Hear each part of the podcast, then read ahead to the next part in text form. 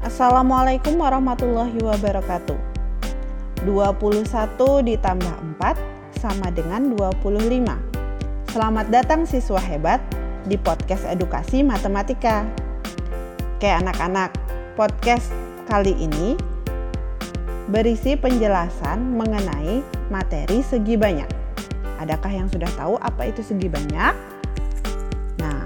Segi banyak itu merupakan bangun datar tertutup yang dibatasi oleh ruas garis. Jadi, kata kuncinya di sini dia berupa bangun datar harus tertutup dan dibatasi oleh ruas garis. Jadi tidak boleh ada garis lengkungnya. Nah, untuk segi banyak ini uh, mungkin kalian sudah sering mendengar uh, jenis-jenisnya atau nama-nama segi banyaknya. Hanya kalian tidak tahu bahwa ini termasuk dalam bangun segi banyak. Ya, contoh bangun segi banyak yaitu misalnya segitiga. Nah, segi empat, segi lima. Nah, apa yang membedakan? Nah, membedakannya di sini adalah jumlah sisinya. Jadi, nah, segi banyak ini selanjutnya dibagi menjadi dua jenis, yaitu ada yang namanya segi banyak beraturan dan ada segi banyak tidak beraturan.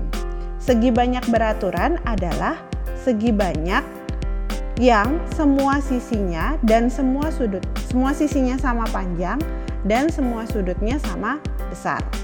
Contohnya yaitu segitiga sama sisi. Jadi semua sisinya di sini pasti panjang dan besar sudutnya adalah sama yaitu 60 derajat.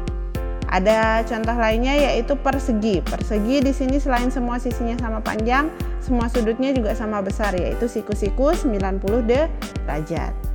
Contoh lainnya yaitu ada bangun segi lima. Segi lima yang beraturan. Nah, kalau jenis yang kedua yaitu yang segi banyak tidak beraturan itu adalah segi banyak yang semua sisinya tidak sama panjang dan semua sudutnya tidak sama besar. Contohnya di sini ada trapesium, jajar genjang, layang-layang, belah ketupat, dan lain sebagainya. Nah, itu untuk pengertian segi banyak, cara penentuan namanya, dan jenis segi banyaknya. Miss harap kalian sudah paham uh, mengenai materi segi banyak. Oke, sekian podcast hari ini. Semoga dengan penjelasan penjelasan ini kalian bisa paham mengenai segi banyak.